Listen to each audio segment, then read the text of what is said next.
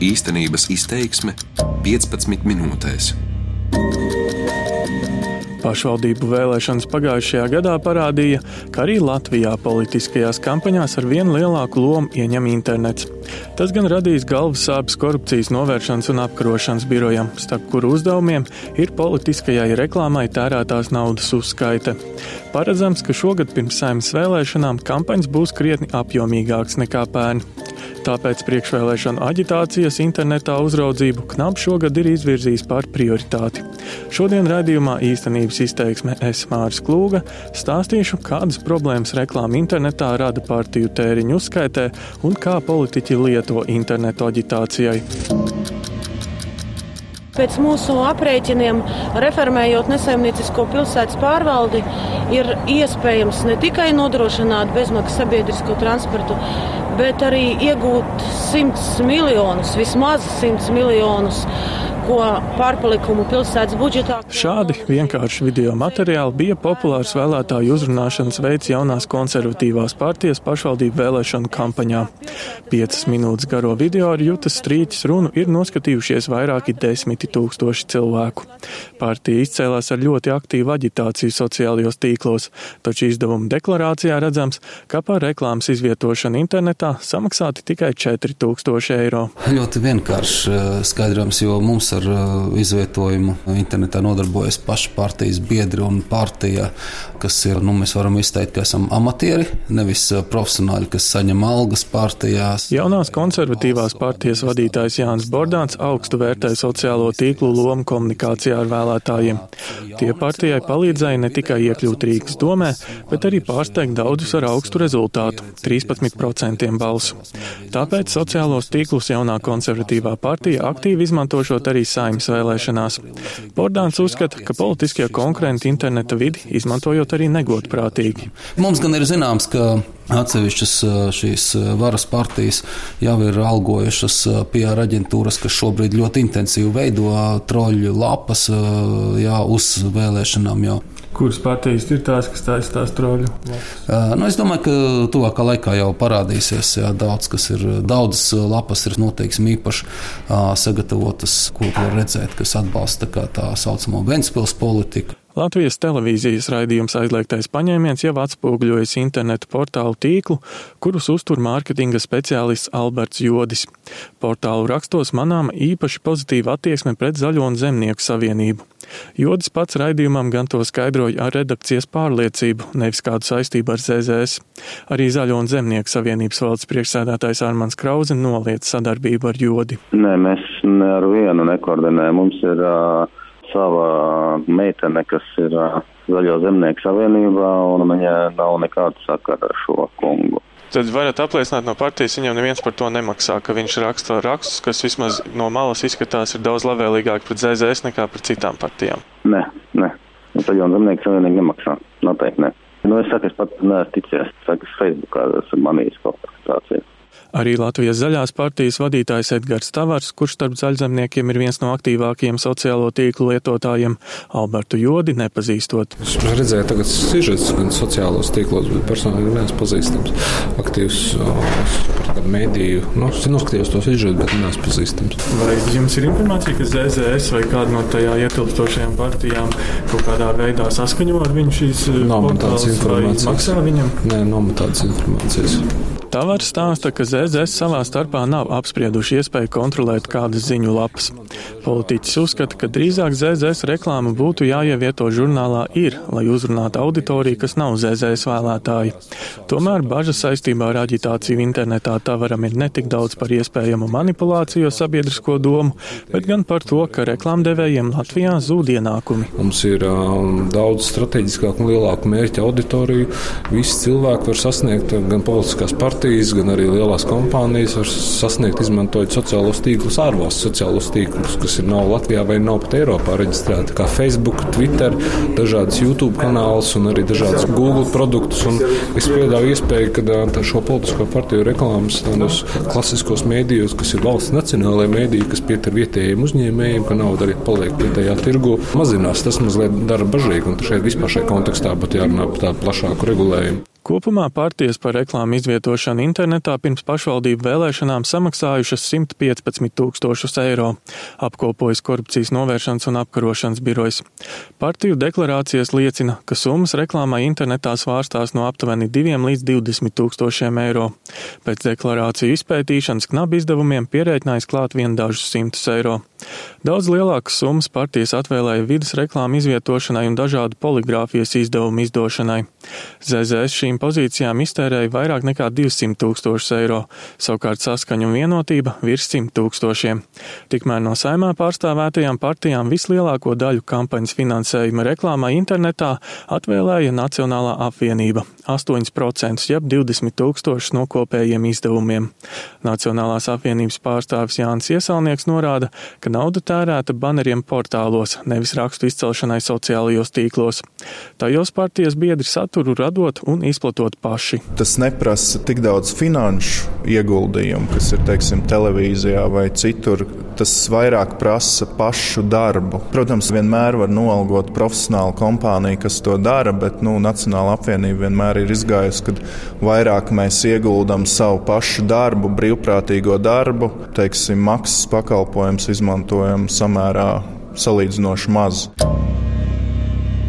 Visām iesaistītām personām, gan partijām, gan pašiem mēdījiem, reklāmas pakalpojumu sniedzējiem, mums kā kontrolētājiem arī līdz galam nav skaidrs, ko īsti var un ko nedrīkst darīt eh, šajā interneta vidē. Tā saka korupcijas novēršanas un apkarošanas biroja politisko organizāciju finansēšanas kontrolas nodaļas vadītāja Amīlija Jaunskunga. Likumā nosacījumi reklāmai internetā tika iestrādāti pirms aptuveni pieciem gadiem, un tie ir tādi paši kā citos komunikācijas kanālos. Tomēr šajā laikā interneta vide ir krietni mainījusies. Popularitāti ieguvuši sociālie tīkli kā Facebook un Twitter, kas ļauj politiķiem izplatīt savus vēstījumus gan kā apmaksātu reklāmu, gan kā bezmaksas ierakstus no personīgajiem vai partijas profiliem. Tas interneta vidi atšķir no citām platformām. Pat ja pieņemsim kāds Facebook profilā tieši aģitē par kādu partiju vai ievieto kaut kādu, nezinu, tur viedokli vai aicina balsot. Tā ir tāda tieša aģitācija pēc visām likumā noteiktām pazīmēm, bet tam nav apakšā samaksa tad tas mūs neinteresē, jo to nevar kaut kādā veidā aprēķināt, piešķirt šo naudas komponentu un novērtēt un iekļaut deklarācijā. Lai labāk saprastu knapu pieeju politisko reklāmu internetā uzraudzībai, apskatīsim pāris strīdīgas situācijas. Piemēram, kādas ministrijas oficiālajā Twitter kontā pirms vēlēšanām parādās virkne slavinošu ierakstu par ministrijas un konkrētas partijas ministra darbu. Vai tas būtu aģitācijas pārkāpums? Pazīmes te ir tai aģitācija, bet uh, Visdrīzākais 99% eh, te nebūs konstatēts pārkāpuma fakts. Jo, ja mēs skatāmies no tā priekšvēlēšana aģitācijas esošā regulējuma, viņi jau neaicina balsot par sevi par partiju. Viņi nepieminēs, ka viņi kandidēs vēlēšanās. Ja, eh, līdz ar to nevarētu te absolūti runāt par to, ka te ir kaut kāda slēptā aģitācija. Cits piemērs - deputātam Artusam Kaimiņam piedarošs uzņēmums ir iegādājies ziņu portālu rīta kafija.lv. Knap pārstāve Amīlija Jaunskunga norāda, ka likums neliedz politiķim piedarošam uzņēmumam šādu portālu iegādāties, bet kā knap rīkosies gadījumā, ja pirms vēlēšanām šajā portālā parādīsies glaimojoša intervija ar Artus Kaimiņu bez kritiskiem jautājumiem. Riski uzreiz ir saskatāmi, mēs noteikti noteikti pievērst uzmanību un sākt pārbaudīt. Bet atkal ir jautājums, vai tā ir intervija, kāds ir konkrēts intervijas saturs, kā viņi var pamatot, kāpēc tieši ar Artus kaimiņu ir šī intervija šobrīd, ja, un kāpēc, pieņemsim, nav intervija ar līdzvērtīgu oponentu, varbūt arī ar citu deputātu kandidātu vai citu vērtīs pārstāvu. Galvenais, ko knap šādos gadījumos meklē, ir slēptā aģitācija. Tā likumā ir definēta kā aģitācija, par kuru saņemta samaksa, bet apmaksātājs nav norādīts. Tieši iztērētās naudas daudzums ir galvenais politiskās aģitācijas parametrs, ko kampaņās uzdots uzraudzīt korupcijas novēršanas un apkarošanas birojam. Ar likumu ir ierobežota summa, ko partijas drīkst tērēt priekšvēlēšanu aģitācijai 120 dienu periodā pirms vēlētāji dodas pie balsošanas urnām. Mērķis ir samazināt naudas ietekmi vēlēšanās, lai bagātākās partijas ar masīvām kampaņām nevarētu pilnībā noslāpēt konkurentus.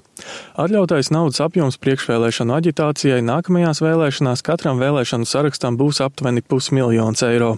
Partijas izdevums skaita pašas un iesniedz deklarācijas korupcijas novēršanas un apkarošanas birojam. Pēc tam birojas skaitļus pārbauda.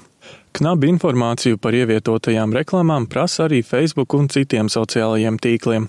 Taču to, cik atsaucīgi šīs kompānijas ir sadarbībā ar Knabu, birojas komentē izvairīgi. Esot labāki un sliktāki piemēri. Konkrētos gadījumus Knab nekomentē, jo tā ir pārbaužu laikā iegūta informācija, kas ir konfidenciāla. Tomēr Jaunskunga atzīst, ka ar ārzemju internetu vietnēm esot problēmas. Kaut kādā portālā tiek ievietota nezinu, vai apmaksāt, pat apmaksāta aģitācija vai slēpta aģitācija. Un mēs pārbaudas ietvaros apskatāmies un redzam, ka šis portāls nav iesniedzis izcinojums. Viss pēc likuma šim portālam ir aizliegts izvietot uh, turpmāk šo priekšvēlēšanu aģitāciju. Un mums ir jāaizliedz tam portālam turpināt izvietot šo aģitāciju.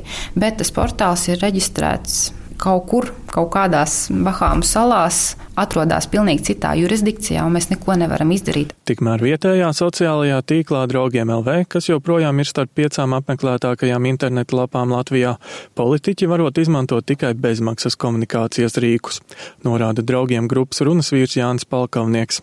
Maksas politiskās reklāmas draugiem LV nemaz nepieļaujot. Pirmkārt, lai tā, lai tā vide būtu brīva no politiskās reklāmas tieši tajā laikā, kad tas no aktīvi notiek, tas ir nu, tāds sarežģīts process, un mēs to negribam darīt. Bet, nu, bet pirmkārt, protams, tas, lai, lai lietotājs atbrīvot no, no tām šausmām, kas notiek tos pāris mēnešus pirms vēlēšanām. Bet, protams, tāpēc, es saku, mums ir dažādi komunikācijas rīki, kur politiskās partijas var uzrunāt visu gada garumā, nu, normālā formā, caur lapu, caur dombiedru grupām, caur personīgiem profiliem, tā ka tas netiek liekts nekādā veidā.